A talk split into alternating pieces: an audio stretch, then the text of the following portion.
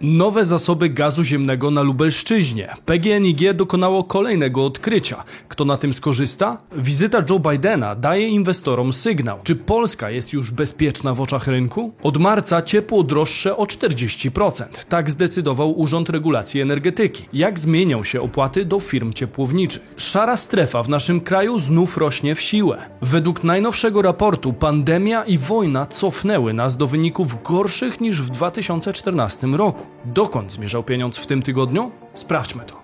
Bizweek. Cotygodniowy przegląd świata biznesu i finansów. Cześć, tutaj Damian Olszewski i witam Was serdecznie w programie Praktycznie o pieniądzach i informacyjnej serii Bizweek, gdzie co tydzień otrzymujecie dawkę najważniejszych informacji ze świata biznesu i finansów. Zatem warto subskrybować kanał, aby wiedzieć co dzieje się w naszych portfelach. Stałych widzów proszę o niewielki kredyt zaufania w postaci łapki w górę na potrzeby algorytmu. Czas to pieniądz, więc Zaczynajmy. Biden daje sygnał inwestorom. Czy Polska jest bezpieczna? Wizyta Joe Bidena w Polsce, która miała miejsce 21 i 22 lutego, jest wyrazem zarówno wzrostu znaczenia Polski na arenie międzynarodowej, jak i potwierdzenia naszej wiodącej roli we wsparciu Ukrainy.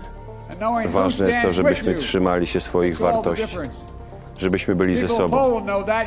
I doskonale wiedzą to Polacy. Wie to naród polski lepiej niż wszystkie inne narody, niż wiele innych państw na świecie. Wiecie, co znaczy solidarność. Wiecie, co znaczy doświadczanie opresji. Konflikt tuż za naszą wschodnią granicą początkowo odbił się negatywnie na kondycji polskiej gospodarki oraz zachodnich inwestycji. Jest jednak szansa na zupełnie inny obrót spraw, głównie dlatego, że to Warszawa, a nie Berlin Berlin czy Paryż mogą okazać się niebawem głównym partnerem USA w Europie. Wiem, że to dla wielu osób może nadal brzmieć abstrakcyjnie, ale tego typu opinie są coraz częściej przekazywane również przez media międzynarodowe. Ciężko zaprzeczyć temu, że to dzięki wojnie większość narodów ponownie przypomniała sobie, gdzie leży nasz kraj na mapie i jakie ma obecnie znaczenie geopolityczne. Tak jak y, Ameryka jest ważna dla Polski, tak Polska jest też ważna dla Ameryki. To dla nas bardzo ważne bo y, to również to są sygnały bardzo szeroko pojęte. To one są nie tylko sygnałami bezpieczeństwa. E, one są nie tylko ważne dla ludzi po prostu, one są ważne też i dla inwestorów. Słowa to rzecz jasna nie wszystko, a ważne są przede wszystkim czyny. Jednak także w zakresie czynów nasze relacje z Amerykanami od dłuższego czasu się umacniają. Stacjonuje u nas około 10 tysięcy amerykańskich żołnierzy, wśród których są m.in. piloci myśliwców, operatorzy systemów przeciwlotniczych Patriot oraz żołnierze dywizji powietrzno-desantowej. Ponadto późną wiosną lub latem bieżącego roku ma zakończyć się budowa magazynu w pobliżu 33 bazy lotnictwa transportowego w Powidzu, w którym ma być przechowywany sprzęt dla ciężkiej brygady USA. Prezydent podczas wywiadu dla TVN24 tak odniósł się do amerykańskiej obecności nad Wisłą. Zwróciłem się do pana prezydenta Joe Bidena, aby armia amerykańska przemieściła do stworzonych specjalnie na terenie Polski miejsc swój sprzęt wojskowy, swoją broń po to, żeby wzmocnić potencjał obecności amerykańskiej w ujęciu infrastrukturalnym. Moja propozycja została z bardzo dużą uwagą przyjęta. Zdaniem prezydenta Andrzeja Dudy składowanie amerykańskiego sprzętu w Polsce przyczyniłoby się do zwiększenia naszego bezpieczeństwa. Oprócz kwestii związanych z obronnością, które potwierdzają bezpieczeństwo inwestycji w Polsce, ważne są także wspólne biznesy polsko-amerykańskie, w tym m.in. realizowanie kolejnych etapów już rozpoczętych kontraktów. Miliardowe inwestycje, które nasz sojusznik może stracić w wyniku konfliktu, także stanowią dla nas pewnego rodzaju zabezpieczenie. Mowa tutaj m.in. o kwestii elektrowni atomowej. W środę Westinghouse Electric Company i Westinghouse Electric Poland podpisały z polskimi elektrowniami jądrowymi umowę na prace przedprojektowe. Dokument w obecności minister klimatu i środowiska Anny Moskwy i ambasadora Stanów Zjednoczonych w Polsce Marka Brzezińskiego podpisali prezes PEJ Tomasz Stępień, prezes Westinghouse Polska Mirosław Kowalik i szef działu Energy Systems w Westinghouse David Darnam. Umowa obejmuje 10 głównych obszarów merytorycznych, m.in. opracowanie szczegółowego modelu realizacji inwestycji, przygotowanie oceny bezpieczeństwa, programu kontroli jakości oraz identyfikację potencjalnych dostawców z naciskiem na firmy z Polski. Ponadto według informacji spółki Polskie Elektrownie Jądrowe dokument zawiera także przygotowanie zasad wewnętrznego finansowania projektu, czyli tak naprawdę wstępne oszacowanie jego wartości. Jeśli nie kojarzycie, jakie inwestycje w energię atomową mają być w naszym kraju realizowane, to warto zajrzeć do tego odcinka. Podsumowałem w nim dla Was, jaki plan ma mają na to zarówno inicjatywy prywatne, jak i te państwowe. Bowiem nie tylko Amerykanie, ale i Koreańczycy mają zamiar wspomóc nas w tym zakresie technologicznie. Zagraniczne inwestycje w naszym kraju często będą wymagały wsparcia miejscowych podwykonawców, co zwiększa szanse dla polskich firm na całkiem lukratywne kontrakty. Ale żeby dogadać się z kimś w obcym języku na poziomie biznesowym, możecie potrzebować wsparcia, którego udzieli Wam choćby Speakly. Aplikacja językowa, dzięki której podszlifujecie swoje kompetencje językowe, zanim pojawi się okazja rynkowa. Wiecie jak to jest. Okazja to połączenie szczęścia i umiejętności. Jeśli pojawi się szczęście w postaci ciekawego zlecenia lub pracy dla zagranicznej jednostki, a nie będzie umiejętności, na przykład tych językowych, to okazja może nam zwyczajnie przepaść. Ze Speakly uczycie się angielskiego, niemieckiego, hiszpańskiego czy innych języków, bazując naukę słów i zwrotów na realnej potrzebie użycia ich w rozmowie. Na przykład tej, gdzie będziecie negocjować opłacalny kontrakt. Tego Wam życzę. Dzięki temu nie uczycie się rzeczy niepotrzebnych, tylko przydatnych zwrotów i wyrażeń. Ten pragmatyzm pozwala skrócić proces nauki do 3-4 miesięcy, w których od punktu 0 osiągamy poziom solidnego mówienia, zakładając, że poświęcimy na to pół godziny dziennie. Do tego Speakly uczy nas na różne sposoby, począwszy od słówek, ćwiczenia wymowy czy testów, aż po propozycję muzyki w danym języku. Sprawdźcie aplikację za darmo przez 7 dni, a jeśli Wam się spodoba, zyskajcie 60% zniżki przy rocznej subskrypcji. Link zamieszczam w opisie filmu. Nowe zasoby gazu ziemnego na Lubelszczyźnie. PKN Orlen przejął pod koniec zeszłego roku PGNiG, czyli spółkę zajmującą się poszukiwaniami i wydobywaniem gazu ziemnego oraz ropy naftowej. Niedawno grupa Orlen poinformowała o odkryciu nowych zasobów gazu ziemnego na Lubelszczyźnie. Prezes Orlenu Daniel Obajtek poinformował na Twitterze, że niedaleko Biłgoraja na Lubelszczyźnie odkryliśmy 500 milionów metrów sześciennych nowych zasobów gazu ziemnego.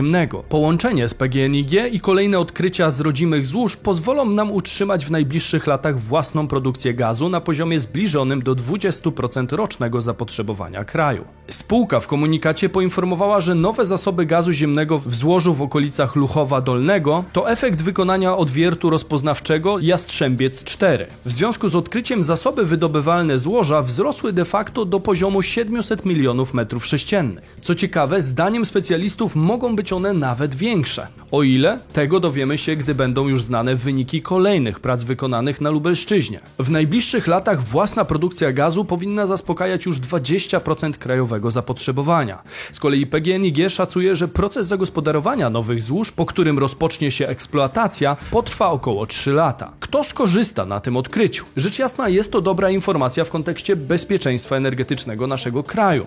Poza tym na nowych złożach skorzystają lokalne samorządy, ponieważ spółki prowadzące wydobycie węglowodorów są zobligowane do uiszczania opłaty eksploatacyjnej. Jej wysokość uzależniona jest od wielkości wydobycia oraz dzielona pomiędzy wszystkie trzy szczeble samorządowe. W 2021 roku samorządy zyskały w sumie około 125 milionów złotych z tytułu tej opłaty. Fiskus będzie dokręcał dalej śrubę biznesom? W tegorocznym budżecie państwa przewidziano, że łączne wpływy podatkowe przekroczą 545 miliardów złotych, czyli nieco ponad 20% więcej niż miały przynieść w zeszłym roku. Wpływy z tytułu podatku VAT mają sięgnąć kwoty ponad 286 miliardów złotych, czyli blisko 21% więcej niż w zeszłym roku. Co to tak naprawdę oznacza? Business Center Club sygnalizuje, że może być to zapowiedź cięższego czasu dla przedsiębiorców. Dokładnie jednym ze sposobów na zbliżenie się do zakładanych poziomów mogą być dalsze restrykcyjne zmiany w prawie i zaostrzenie kar za nieprawidłowości podatkowe. Ponadto w ostatnich latach wiele mówiło się o uszczelnianiu systemu podatkowego, za czym kryje się m.in. wprowadzenie represyjnych regulacji uderzających w przedsiębiorców. Jacek Matarewicz, partner w kancelarii Orzuk-Tomczykowski i ekspert prawny BCC podaje w tym miejscu konkretne przykłady. Między innymi wprowadzoną w 2017 roku karę pozbawienia wolności nawet do 25 lat za przestępstwa fakturowe,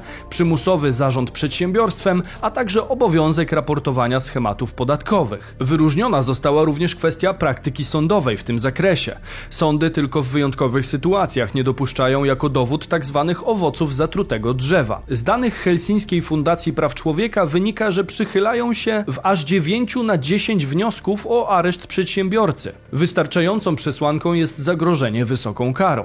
Dzieje się tak również w przypadku, gdy nie ma obaw dotyczących matactwa, zacierania śladów bądź ucieczki z kraju. Ten punkt dodatkowo całkiem dobrze odwzorowuje czysta statystyka. Jak podkreśla prezes BCC Jacek Goliszewski, z danych Ministerstwa Sprawiedliwości wynika, że w 2017 roku przed sądami rejonowymi było prowadzonych około 10 tysięcy postępowań karno-skarbowych przeciwko przedsiębiorcom. Uniewinniono zaledwie 577. Do tego dochodzi spora liczba zamkniętych firm. W zeszłym roku z rynku zniknęło 212 tysięcy takich podmiotów. Pytanie zatem, czy we własnych firmach także odczuwacie coraz większy ciężar kontroli karno-skarbowych? Dajcie znać w komentarzu, jestem ciekaw jak to wygląda z waszej perspektywy. Coraz częstsze kontrole mogą być także pokłosiem innego zjawiska, bowiem warto zwrócić uwagę, że w tym samym czasie szara strefa w Polsce znów rośnie w siłę. Przeciwdziałanie szarej strefie w latach 2014-2022 tak brzmi nazwa najnowszego raportu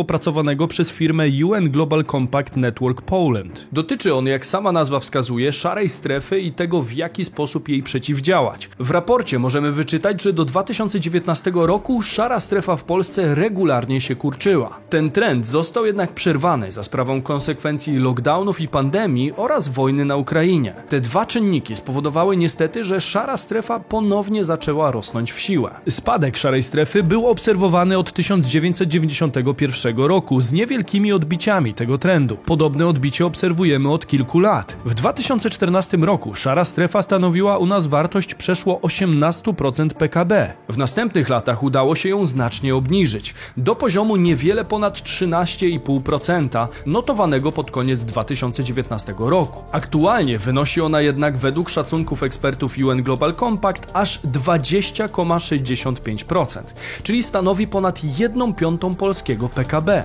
Oprócz suchych danych w raporcie znajdziemy także inne ciekawe kwestie. Są tam m.in. zalecenia dotyczące obrotu paliwami płynnymi oraz napojami spirytusowymi.